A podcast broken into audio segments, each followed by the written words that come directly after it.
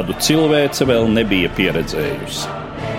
Vadoņu avantūrisms un ambīcijas. Valsts vīru neizlēmība un ilūzijas. Arvien jaunas valstis ievilktas kara virpulī. United States of America was suddenly and deliberately attacked. Nežēlīgi malti cilvēku un tautu likteņi. Lai dzīvo darba tautas draugs un ģeniālais vadonis biedrs Stalins! Otrais pasaules karš sarunās ar Eduardu Liniņu raidījumu ciklā Satumsums. Labdien, cienījamie klausītāji! Izmisušo uzbrukums tā reizēm dēvē vācu uzbrukumu Ardēnos 1944. gada decembrī. Mans sarunbiedrs studijā vēsturnieks Valdis Kusmins. Labdien! Labdien! Tas laikam ir pēdējais Vācijas mēģinājums otrā pasaules kara laikā ar tādu strateģisku uzbrukumu pavērst kara gaitu sev labvēlīgā virzienā. Kāpēc tiek izvēlēta tieši šī vieta, rietumu fronte? Ardēni, jo faktiski no abām pusēm tajā brīdī sabiedrotie jau ir pietuvojušies Vācijas robežām, arī austrumos sarkanā armija jau stāv uz paša Reiha sliekšņa. Šeit mums nedaudz ir jāpaiet atpakaļ līdz 1944. gada augustam, kad ir skaidrs, ka pirmkārt padomju uzbrukums austrumfrontē ir izcinās sekmīgi, un no otras puses rietumu frontē rietumu sabiedrotiem ir izdevies izlausties no Normandijas. Vācu spēki atstāja Parīzi bez kaujas 25. augustā, un kļūst aktuāls jautājums, kādā veidā rietumu sabiedrotie turpinās šo sekmīgi iesākto uzbrukumu. 44. gada augusta beigās valda, nu, ja ne gluži eiforija, tad ļoti pašpārliecināta attieksme par to, ka Vācija šo karu no militārā viedokļa ir zaudējusi lielo strateģisko lēmumu pieņemšanu, kas notika rietumu sabiedroto augstākās vadības starpā, kā tālāk uzbrukt, un bija divi varianti. Variants numur viens, ko aizstāvēja amerikāņu komandieri, viens no tādiem slavenākiem bija ģenerālis Patons, ka visām tām armijām, kas ir piedalījušās gan Francijas ziemeļos, šajā sekmīgā uzbrukuma operācijā, gan arī Francijas dienvidos, kur arī notika desanta izsēdināšana un arī sekmīgi. Nu, visām šīm armijām jāturpina uzbrukums, un tā, kura būs spējīga gūt lielākos taktiskos vai operatīvos panākumus, tad tie būtu jāatbalsta gan ar degvielu, gan munīciju, gan piegādi nogādi, lai nodrošinātu sekmīgu uzbrukumu. Otrā pusē bija britu slavenais komandieris Bernards Montgomerijs, kurš uzskatīja, ka Normandijas ostas un tikko ieņemtās ostas Francijas ziemeļdaļā nevar nodrošināt visu sabiedroto spēku vienmērīgu apgādi. Pirmkārt, tas bija degvielas jautājums, kā to nodrošināt. Jo no vienas puses, protams, ir ļoti labi, ja visa armija ir motorizēta, bet no otras puses degvielas patēriņš ir vienkārši fantastisks. Montgomery viedoklis bija tāds, ka jāatbalsta šaurā sektorā atsevišķas armijas. Protams, viņš uzstāja, ka atbalstām armija tieši viņa pakļautībā esošā, un pārējām armijas jāatstāj iztikas minimumu, kas nodrošinātu viņu negluži uzbrukumu, bet ne pārāk ātru virzīšanos uz priekšu. Stratēģisko lēmumu diskusiju rezultāts bija operācija Market Garden, pirmā, varētu teikt, liela strateģiskā gaisa desanta operācija no 17. septembra līdz 27. septembrim, kurā tika iesaistītas rietumu sabiedroto gaisa desanta divīzijas. Ja Normandijas desanta izsēdināšanas gadījumā gaisa desanta divīzijām bija tāda kā atbalsta uzdevumi, tad šajā gadījumā gaisa desanta divīzijām bija galvenais uzbrukums. Viņiem bija jānodrošina tilti pār lielajām upēm, un galvenais tilts bija Ārnemas pilsētā. Nu, rezultātā šī operācija bija viena no pirmajām rietumu pamatīgām sakāvēm, lai gan tilti tika ieņemti, taču Ārnemas galvenais tilts netika ieņemts. Britu gaisa desanta divīzija faktiski tika ielenkta, jo rietumu sabiedrotiem nezinot nosēdās tajā vietā, kur atradās divas vācu tanku divīzijas. Viņš atradās šajā brīdī apmācībās, un šis Montgomery plāns netiek īstenots. Līdz septembra beigām, faktiski oktobrī, notiek cīņas Francijas-Vācijas pierobežā, kur rietumu sabiedrotie saskarās pirmo reizi ar tā saucamo Zigfrīda līniju.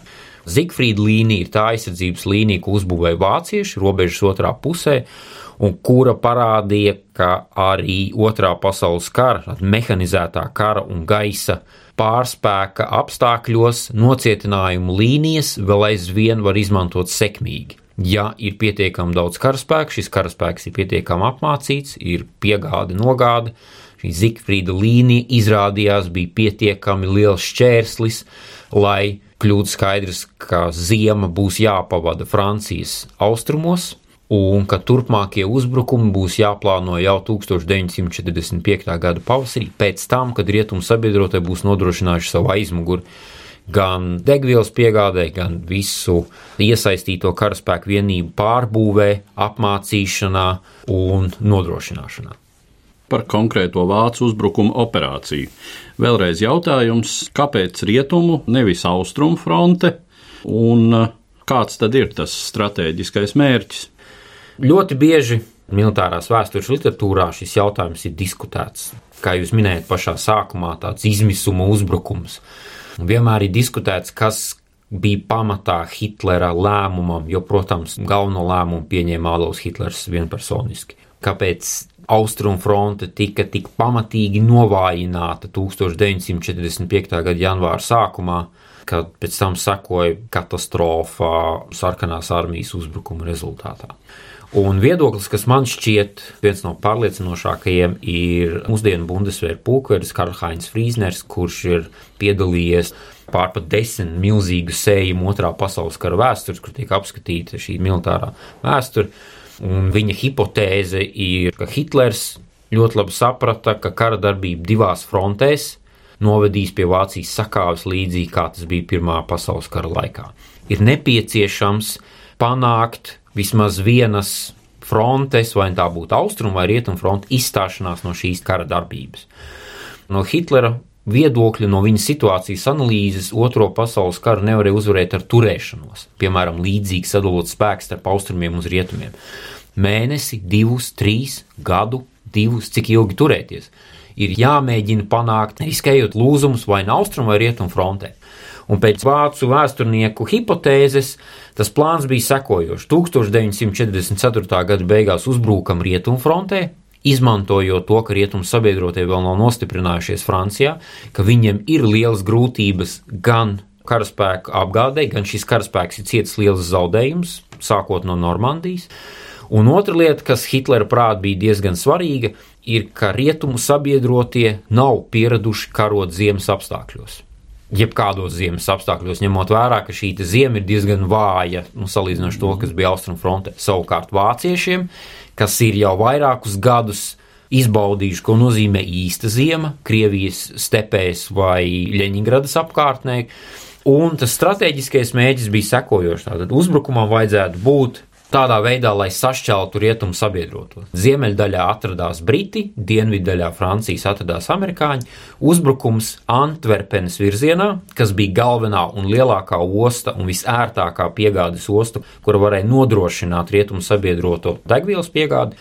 Ieņemot šo Antverpenes ostu, izdotos pirmām kārtām apgrūtināt piegādi nogādu un otrām kārtām sašķelt rietumu sabiedrotos un cerēt uz separāta pamiera vai miera sarunu sākšanos. Un pēc tam jau 1945. gada pavasarī, vasarā šādu pašu triku mēģināt izspēlēt jau austrumu frontē. Un šī vācu vēsturnieka hipotēzes pamatā tas ir galvenais iemesls, kādēļ Hitlers vēlējās atstāt kurzemē tik lielu karaspēku. Tātad uzbrukam ziemas apstākļos, tāpat uzbrukam arī Ardēnos, kas ir tāds ļoti sarežģīts apvidus tanku vienībām un Hitlera prātu. Daži ģenerāļi viņu atbalstīja, daži nē.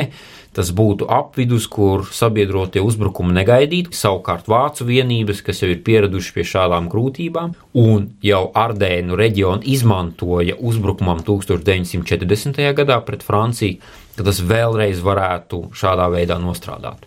Zinot to, ko mēs zinām šodien, un to, ko nezināja toreiz Hitlers, cik realistisks bija šis plāns, kāds patiesībā bija tas spēku samērs?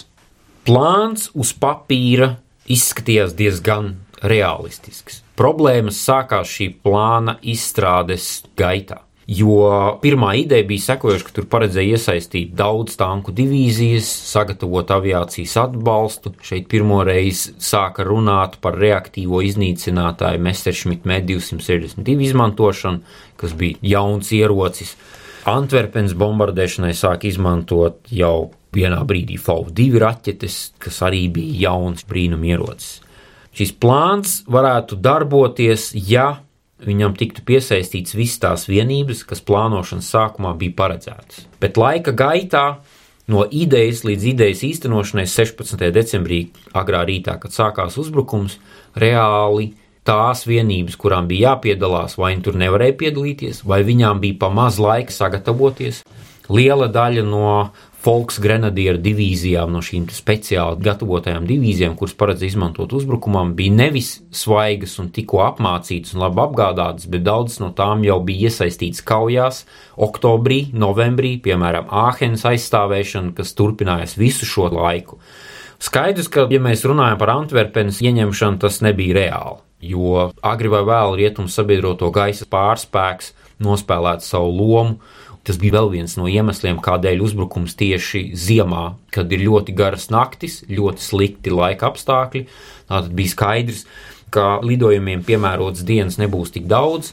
Maksimālais, ko varētu sasniegt šīs abas tanku armijas, 6. es tanku armija Zepa Dītriha vadībā un 5. tanku armija Hasofa un Manteifela vadībā, bija Ezes upe pie Namīras, kas bija 6. tanku armijas galvenais uzbrukuma virziens sasniegt ilgtus pie Namīras tikt pāri upei un otrā krastā cerēt uz panākumiem bija diezgan neiespējami. Un vadīja Gerts von Runštets, rietumu armiju virspavēlniecību, Walters von Models, kas komandēja armiju grupu B, pat ieteica īsu brīdi pirms uzbrukuma sākuma, vai gadījumā nevajadzētu samazināt šī uzbrukuma strateģiskos mērķus. Ņemot vērā, ka rietumu sabiedrotie turpina uzbrukt Āhenes virzienā, varbūt īstenot uzbrukumu un ielēkt tās rietumu sabiedroto vienības, kas atrodas cīņās pie Āhenes. Daudz sekmīgāks varētu būt uzbrukums ar ierobežotu mērķi, ar tādu drīzāk ne strateģisku uzdevumu, bet varbūt tādu operatīvu uzdevumu. Noteikti šāds panākums varētu būt iespējams. Ir lasīts, ka rietumu sabiedroto virspavēlniecība arī nojauta šāda uzbrukuma iespējamību. Konkrēti, Eizenhauers min savos memoāros, ka viņš esot jau diezgan labi zinājis, ka kaut kas tāds būs un apmēram pat nojautis to uzbrukuma vietu, bet varbūt nav nojautis spēku koncentrēšanas līmeni, kādu tomēr izdevās Vācijai sasniegt. Viens no uzbrukuma sagatavošanas galvenajiem uzstādījumiem jau no paša sākuma bija absolūta slepenība, ko vācieši uzsvēra, ka tā būs panākuma atslēga. Protams, rietumu sabiedrotajiem, ja mēs atceramies viņu panākumus ar vācu komunikācijas dešifrēšanu, šī slavenā enigma, ko briti šīs ziņas pārtvēra un bija spējīgi dešifrēt. To viņi arī izdarīja. Un šajos apskatos, ja mēs tagad ejam cauri, kāda informācija tur bija pieejama, tad arī tur bija rakstīts. Piemēram, laika posmā no septembra beigām līdz 15. decembrim uz Ardēnu apgabalu no ķelnes rajona tika pārsvīrs 2000 dzelzceļa vilcienu sastāvu, nevis vagonu, bet vilcienu sastāvu. Tas bija fantastisks skaitlis, kas robežojās ar tādu maksimālo, ko šie nepārāk attīstītie dzelzceļa tīkli spēja nodrošināt. Noslēpt to nebija iespējams. Tāpat arī pārtvērtie radiosakari liecināja, ka notiek karaspēka vienību pārvietošana. Bija skaidrs, ka ir izveidota tāda vienība kā sastāv tanku armija, kur atrodas tiešā Hitlera pakļautībā. Tāda viņa nebija Gerta von Runšteta rīcībā, bet Hitlera rīcībā. Bet jautājums, kā vienmēr, ir mūžs sens un ir aktuāls vēl šodien, starp citu var pārtvert jebkurus radio signālus, var viņus dešifrēt, bet viņu skaits ir tik liels, ka tik un tā ir nepieciešams kāds savā ziņā ģeniāls cilvēks, kurš ir spējīgs visus šos fragmentāros ziņojumus salikt kopējā ainā un izdarīt pareizos secinājumus. Jā, viņi zināja, ka notiek karaspēka koncentrācija, viņi zināja, ka vilcieni brauc ar milzumu daudz artēriju, viņi zināja, ka ir izveidots jaunas vienības, ka notiek pārgrupēšanās, bet secinājumi, ko viņi izdarīja, bija nepareizi. Rietumu sabiedroto vadības viedoklis bija, ka tas ir saistīts ar vācu spēku zaudējumiem uz Zikfrīda līnijas. Niknās cīņas pie Āhenes. Tātad vācieši ir tik nepārliecināti par saviem spēkiem, ka notiek šāda rezervju pārvietošanās gar frontes līniju, lai nodrošinātos pret rietumu sabiedrotie iespējamiem uzbrukumiem. Viņi nenovērtēja šo Hitlera savā ziņā kā spēlmeņa risku, ko viņš uzņēmās. Un otra lieta, ko rietumu sabiedrotie bija pārliecināti, tie visi bija ģenerāļi, nu jau ar lielu tādu manevrēšanas kara pieredzi, patons tanku ģenerālis, kur uzskatīja, ja arī notiks pārāvums, kaut vai piemēram Ardēnos, jeb kaut kur citā vietā, ja izdosies pirmajās dienās šo pārāvumu ierobežot, tad ar sekojošiem pretuzbrukumiem pārsviežot rezerves tankus, pārāvumu varēs diezgan viegli iznīcināt. Iebrukumu izdevās ierobežot un vēlāk atspiest atpakaļ, bet tas tomēr izrādījās daudz laikietilpīgāks un resursu ietilpīgāks pasākums nekā viņi domāja pirms kaujas sākuma. Tad runājot par um, konkrēto kauju gaitu, kas tad vāciešiem izdodas un kas savukārt neizdodas? Rezultātā 16. decembra rītā kopējais divīziju skaits bija 13, kas bija iesaistīts no tām tikai 5 tanku divīzijas. Un, ja mēs, piemēram, salīdzinām ar austrumu frontes kaujām Latvijas teritorijā 1944. gada vasarā, tad piecas tanku divīzijas tas tāds iztikas minimums vien ir. Šeit var runāt tikai par tādiem uzbrukumiem ar ierobežotiem mērķiem. Spēku samērs noteikti nebija pietiekams, lai varētu runāt par strateģiskiem uzdevumiem. Sākotnēji no Vācijas puses tas bija apmēram 200 tūkstoši vīru pie 600 tanku un citu bruņu tehnikas vienību. Galvenais, ko vāciešiem izdevās sasniegt, bija relatīvi liels artērijas skaits. Bija 1600 dažādu artērijas vienību un gandrīz 1000 jauno raķešu, tā saucamo reaktīvo mīnmetēju, dažādu kalibru, veidu un stilu, kas pirmo reizi tika koncentrēts tādās lielās vienībās un īstenoja tādos ļoti šauros sektoros ļoti blīvu artērijas uguns sagatavojumu. No rietumu sabiedroto puses tās bija četras kājnieku divīzijas, viena tanku divīzija, 83,000 cilvēku. Nu, tanku apmērs bija gandrīz tikpat liels, tuvu pie 500 tankiem, un artērija gan bija nedaudz mazāka. Salīdzinot ar austrumu fronti, šie uzbrukumi bija salīdzinoši ierobežoti. Un šis uzbrukums sākās 16. decembra agrā rītā, un tām amerikāņu divīzijām, kas bija iesaistīts, tā bija 106. kājnieku divīzija, 28. kājnieku divīzija, tās bija galvenās, kas uztvēra šo pirmo uzbrukumu, tas bija ļoti nepatīkams pārsteigums. Un šī ir viena no tām kaujām, kas ir tik detalizēti izpētītas, ka tur jau gandrīz ir sasniegts augstākais līmenis, ko var izpētīt. Un ir tūkstošiem fotografijas saglabājušās no abām pusēm, un tā ir viena no kaujām, kas ir visvairāk fotografētām. Ir zināms, kurš tanks, kurā minūtē, pa kuru ceļu, kurā vietā pagriezās pareizi vai nepareizi. Un kurš amerikāņu kājnieks ar bazuku šo tanku sašāva un ar ko tas viss beidzās viens sapieris uzspridzināja tiltu, un visa Joachima Pēpera kaujas grupa bija spiesta pagriezties nevis pa labi, bet pa kreisi, un vairāki desmit tūkstoši tonu degvielas, uz ko viņi cerēja, amerikāņu degvielas, un viņiem bija paredzēts, ka viņi iegūs kā trofejas, viņi kā trofejas neiegūst. Pārsteigums tika sasniegts diezgan pārliecinoši, jo amerikāņi nebija gatavi šādu līmeņu uzbrukumam. Galvenais pārsteigums bija artērijas sagatavošanās uguns. Un kas arī bija pārsteigums pašiem amerikāņiem, pārsteigums bija arī vāciešiem, bija tas, kādu pretestību amerikāņi izrādīja reizēm pilnīgi bezcerīgos apstākļos. 18 karavīru no izlūku vienības bija spējīgi veselu dienu noturēt veselu bataljonu uzbrukumu, ko neviens nebija gaidījis. Bet viņi nolēma, ka viņš šajā ciematā turēsies, un viņi turējās. Un līdz ar to pēkšņi izrādījās, ka vesela tanku korpusu uzbrukums ir jāmaina. Viņi gāja bojā, viņi tika saņemti gūstā, bet šie plāni tika mainīti. Ceļi bija katastrofālā stāvoklī, tie bija serpentīna veidi, lai gan Ardēna kalna nav gluži alpi, bet tie ir pietiekami lieli kalni, kur ceļi ir serpentīna veidīgi un smagie tanki nevar izgriezties un pietiek vienam tankam apstāties, un viss ir izveidojies sastrēgums, kuram vienkārši fiziski nav iespējams tikt nekādā veidā apkārt, ir jābrauc ar līkumu. Un, ja mēs runājam par tādiem lielākiem panākumiem, es jau minēju šo Papera kaujas grupu, tātad Joachims Papers bija sestās tanku armijas galvenais uzbrukuma trieciena spēks. Viņa rīcībā bija nodoti smagākie un kaujas spējīgākie Vācijas tā laika tanki, Panzerkampfwagens 6, Königsteiger modifikācija, ļoti smagi pārpa 60 tonnām, 501. tātad SS tanku bataljons, kuram vajadzēja braukt pa priekšu. Tanki bija ļoti efektīvi, bet degvielu rīja ļoti lielās devās. Šeit mēs varam runāt par simtiem litru uz 100 km atkarībā no apstākļiem.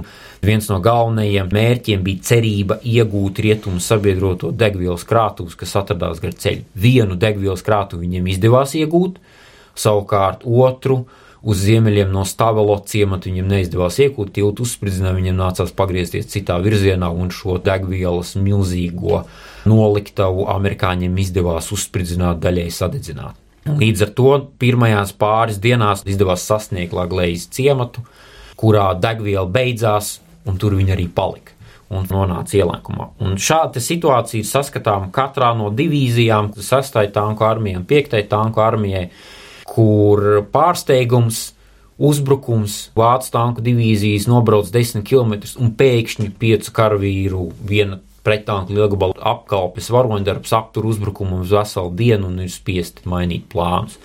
Tālāk uz dienvidiem jau ir manis minētā Bastoņas pilsēta, kas kļūs par tādu ardēnu kaujas simbolu, kurā aizstāvās amerikāņu gaisa desanta divīzijas, atsevišķas vienības, kas tikko tur ir ieradušās kā rezerves daļas, lai nodrošinātos pret vācu uzbrukumu.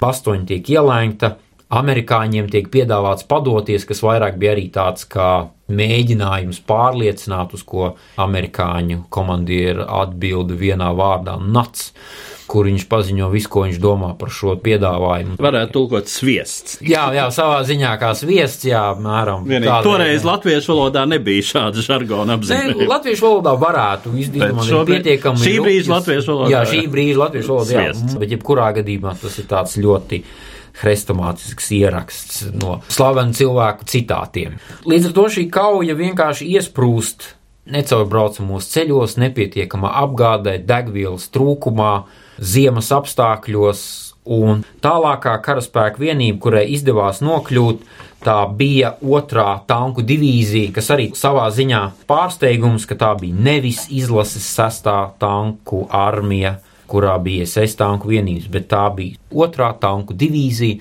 kura gandrīz sasniedza upi, bet ar to arī tas viss beidzās. Jo šajā brīdī tiek jau ieņemta Bastoņa patona tanku divīzijas no dienvidiem uzbruk ziemeļu virzienā, izdodas šo Bastoņas ielēkumu laust, gaisa desantnieki tiek atbrīvoti. Papera kaujas grupa 24. decembrī spiesta pamest šajā Latvijas ciematā 70 tankus. Kopumā tur bija vairāk nekā 150 bruņu tehnikas vienības un vienkārši ar kājām izlausties cauri ielēkumam. No 880, kas paredzēja izlausties, izlauzās 770 cilvēki. Tālāk seko ļoti ilgstoša balģa, jeb izvirzījuma likvidācija, kas turpinās līdz pat 25. janvārim. Turpmākās kaujas pierāda to, ko Walters von Models, Hasso von Mantēfels teica Hitleram, ka iespējams uzbrukums ar ierobežotu mērķi varētu būt daudz sekmīgāks.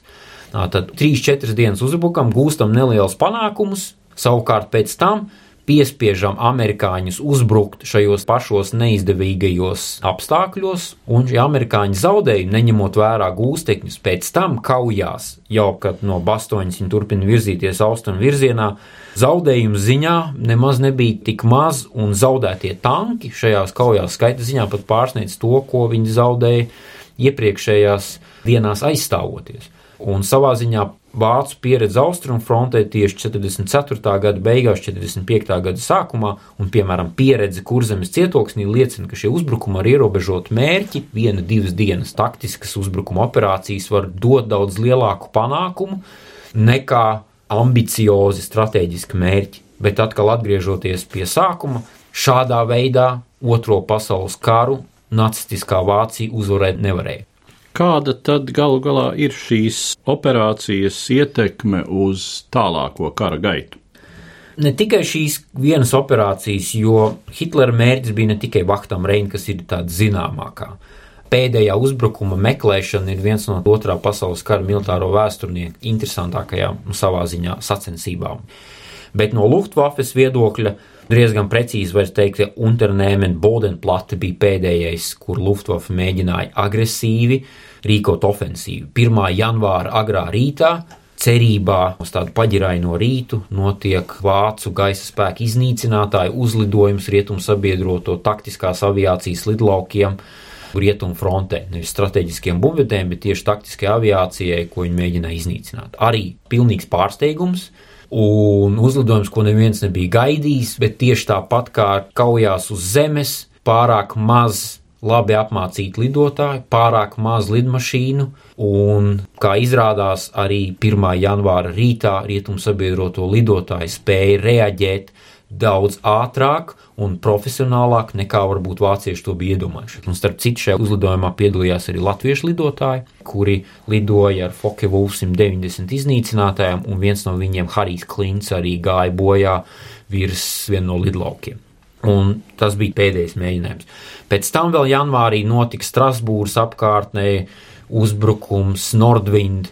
Tad šajā uzbrukumā piedalās SS Kalnu kājnieku divīzija Nord, kas pirms tam bija piedalījusies kaujās Somijā, bija pieredzējusi īstus ziemas apstākļus, un tas mēģinājums bija, ka viņi izdarīja šādu uzbrukumu naktī, arī savā ziņā relatīvi sekmīgu bet līdzīgi kā Ardēnos un līdzīgi kā Luftwaffe uzbrukuma gadījumā tas viss arī beidzās. Un, ja mēs runājam, kādas bija sekas, tad 13. janvāra rītā 1945. gadā Sarkanā armija sāk uzbrukumu, kurā 48 stundu laikā uzbrukumu sāk 4,5 miljoni sarkanās armijas karavīru. Un šajā brīdī austrumu frontē atrodas tikai vācu bruņoto spēku varētu teikt, skelets, kas tur atradās vienkārši, lai turētos. Un armija grupa Visla sabrūkā kāršu namiņš. Un, protams, diskusija, vai tas bija vajadzīgs, un mēs zinām Heinza Gudrijāna viedokli, ka tā bija pašnāvība, ka īstenībā šīs tanku divīzijas, lidmašīnas, artilērija un vispārējais bija nepieciešams austrumu frontē, kura iespējams būtu atvairījusi šo sarkanās armijas uzbrukumu, vai vismaz šis sarkanās armijas uzbrukums nebūtu ar tik katastrofālām sekām. Respektīvi, februāra sākumā pirmās sarkanās armijas vienības jau atrodas pie Oderas upes, un jau seko pēdējais otrā pasaules kara posms austrumu frontē, tā ir kauja par Berlīni, kas sākas 1945. gada aprīlī. Protams, šeit var spekulēt, ja nebūtu sācies Vaktam, Reina, Bodenplate, Nordwind un citas mazāk mēroga operācijas, ja šie spēki būtu atradušies austrumu frontē, vai sekojošais rietumu sabiedroto uzbrukums pavasarī, un tas tāds no alternatīvās vēstures jau lauciņa, vai tas gadījumā nebūtu novedis pie tā, ka Berlīnē ienāktu nevis sarkanās armijas vienības, pirms tam šo Berlīnu faktiski nolīdzinot līdz ar zemes virsmu, bet varbūt būtu ienākušas rietumu sabiedroto vienības, un kas, piemēram, būtu noticis, ja ne gluži ar kurzem, bet kas būtu noticis, piemēram, ar Čehoslovākiju. Tajā laikā, kas būtu noticis ar Poliju. Vai Vācija kā, būtu sadalīta? Vai Vācija būtu sadalīta, jā. Diskusijas nav tik daudz par otrā pasaules kara iznākumu. Vācija šo karu būtu zaudējusi. Savukārt, ko tas var būt, būtu ietekmējis būt augstā kara nu, sauksim to par nosacīto frontes līniju, kur viņa būtu bijusi. Ka Vācu bruņoto spēku vienības arī austrumu frontē vēl bija kaujas spējīgas, liecina arī 45. gada janvāra kaujas Ungārijā, Budapeštas apkārtnē. Sākotnēji tas bija tikai viens tanku korpus, trešais SS tanku korpus, vācu ģenerāla Gilles vadībā, kur trīs uzbrukumos ar šiem pašiem tankiem Budapeštas apkārtnē tiek nodarīti ļoti jūtami zaudējumi sarkanās armijas vienībām. Un tā ir tāda spekulācija, kā būtu, ja nevis būtu viens tanku korpus, bet visa sestā tanku armija, vai šai Budapeštas pievārtei izdotos īstenot kaut ko līdzīgu, kā izdevās 1943. gada janvārī slavenā pretuzbrukuma rezultāts pirms Kurskas kaujas, kas bija ļoti sekmīga, kur sarkanās armijas vienības, kas bija izraujušās uz priekšu, tomēr izdevās sakaut Manšteina vadībā. Tā ir arī tāda spekulācija, bet ir skaidrs, ka Vācu bruņotie spēki, neskatoties uz to, ko domāja rietumu sabiedrotie un ko domāja varbūt Staļins tajā brīdī, vēl bija kaujas spējīgi. Droši vien eh, tas jautājums, par kuru mēs jau runājam, ir tas, ka tajā brīdī Hitleram nešķiet svarīgi tas, kas varbūt šķistu svarīgi mums zinot šodien to, kas notika. Ar sarkanās armijas okupēto Vācijas daļu, pēc tam ar civiliedzīvotājiem, tur visi sarkanarmiešu šausmu darbi. Tajā brīdī, acīm redzot, tas nebija arguments. Pēdējā pavēle, ko parakstīja Gerts von Runštes pirms uzbrukuma sākuma, tāda neliela, tāda iedvesmojoša augstāko komandieru Gens un Runčēna modelis. Tur arī bija parakstījis, tur ir minēta tāda frāze, tā rupi tūkojot uz latviešu valodu, ka mēs ejam uz risku, ka tas ir risks. Mēs esam nolēmuši riskēt tēvīs labā, un tagad dodam jūsu rokās visu, kas mums ir un jums ir jāmēģina mūsu risks attaisnot un panākt labāko no tā, kas var sanākt. Ar to mēs noslēdzam mūsu šodienas sarunu, kas bija veltīta Vācu armijas uzbrukumam Ardenos 1944. gada beigās, un es saku paldies manam sarunbiedram, kara muzeja pētniekam Valdim Kuzminam. Paldies, uz redzēšanos! Raidījumā šīs dienas acīm cikls Satumsums Sarunas par Otro pasaules karu.